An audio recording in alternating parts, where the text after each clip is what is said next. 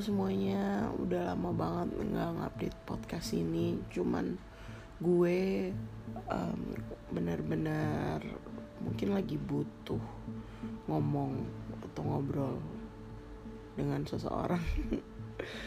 Cuman kayaknya paling pas nih daripada ngobrol sama orang lain, mendingan ngobrol sama podcast. because I think this is an interesting topic and this is also uh, the latest topic. Yang this world was very shaken off gara-gara topik ini ada yaitu topik di mana Kobe Bryant itu meninggal. Rest in peace. Um, he's such a great basketball player obviously. And he was uh, dead or he passed away yesterday. Jadi berita ini benar-benar berita yang baru banget.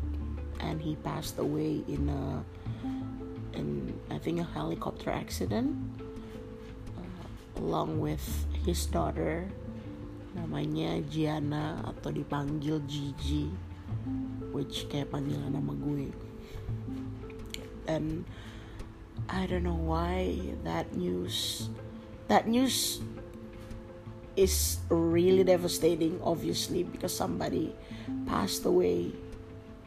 Tapi ngelihat betapa mudanya Kobe Bryant and how inspiring he he was when he's alive dan di mana dia juga meninggal sama anaknya yang masih kecil gue mikir banget betapa hidup tuh lo nggak tahu kapan berakhirnya. Gue benar-benar nge-reflect dan nggak tahu kenapa gue benar-benar sedih aja sih. I don't know why it gets to my heart. Dan really shook me up karena I mean everybody loves Kobe Bryant everybody knows he's a great basketball player. Everybody knows his achievements. Tapi maksudnya dia bukan tokoh yang gue selalu inget sebagai idola gitu.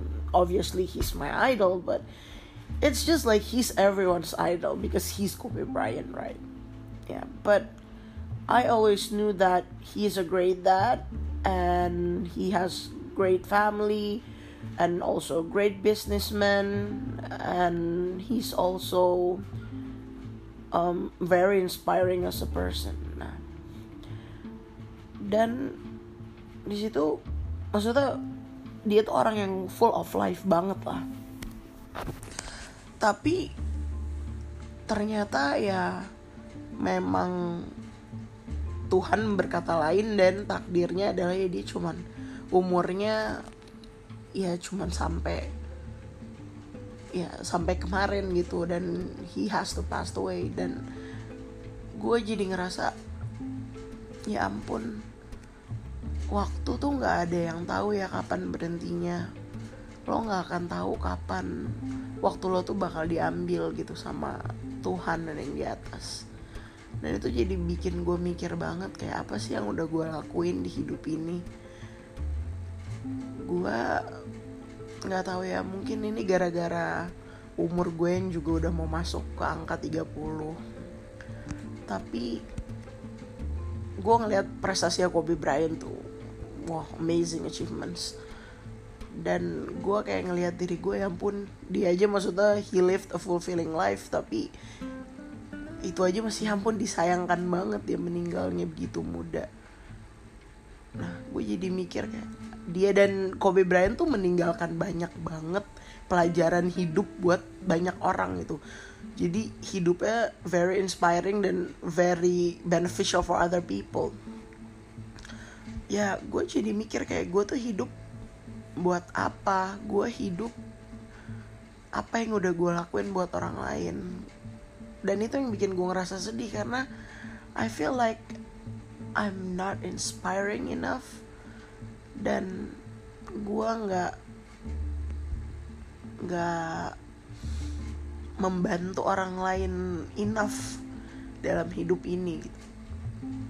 Gue jadi ngerasa ya ampun gue nggak tahu Tuhan tuh kasih gue kapan sampai kapan gitu waktu gitu. Obviously gue berdoa semoga Tuhan kasih gue waktu yang panjang di dunia ini dan membuat gue jadi orang yang berguna untuk orang lain di dunia ini tapi kalaupun waktu itu datang gue pengen banget jadi orang yang berguna. Dan gue pengen banget orang mengenang gue juga dengan kebaikan bukan dengan kejahatan. Jadi gue merefleksikan kema ya kematian Kobe Bryant ini ke dalam hidup gue dan gue benar-benar ngerasa sedih.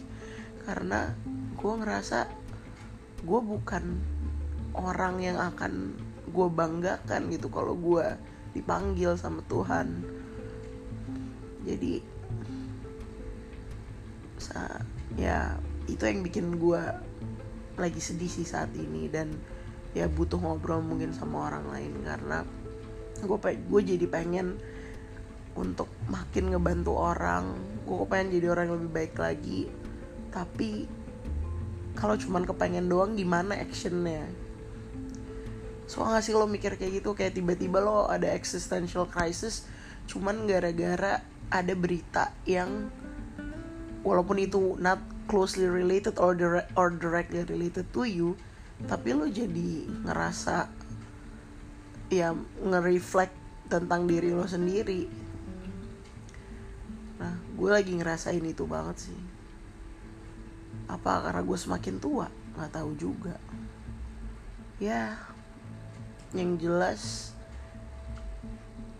gue jadi ngerasa memang manusia tuh nggak punya kontrol akan hidupnya 100% dan gak akan pernah punya 100% kontrol lah dalam hidupnya. Karena selalu ada faktor eksternal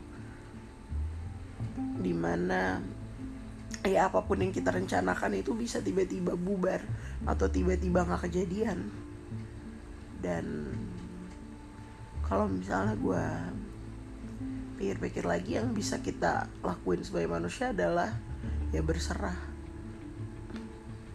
Dari sih gue jadi mikir ya manusia cuma bisa berserah sama ya usaha yang keras. So you do your best and then you surrender it to what will happen next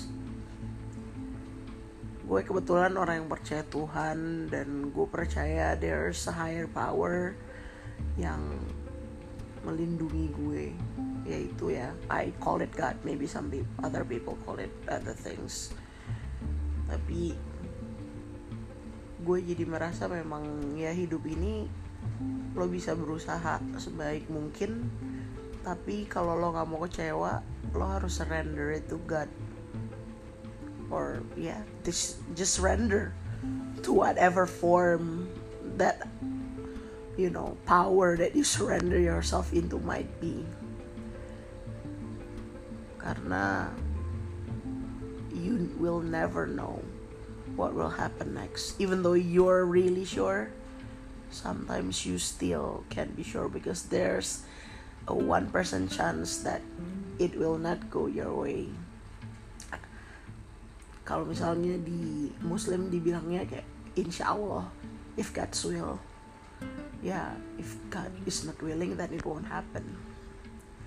Ya gitu sih sebenarnya. Ini random banget dan gue cuman ngomong doang. Sesuka hati gue. Gara-gara kepikiran aja. Terus I think it's just a good topic that I can talk in my podcast gitu deh. Thank you for listening and good night. At least now udah good night kalau di tempat gue. Oke okay, bye bye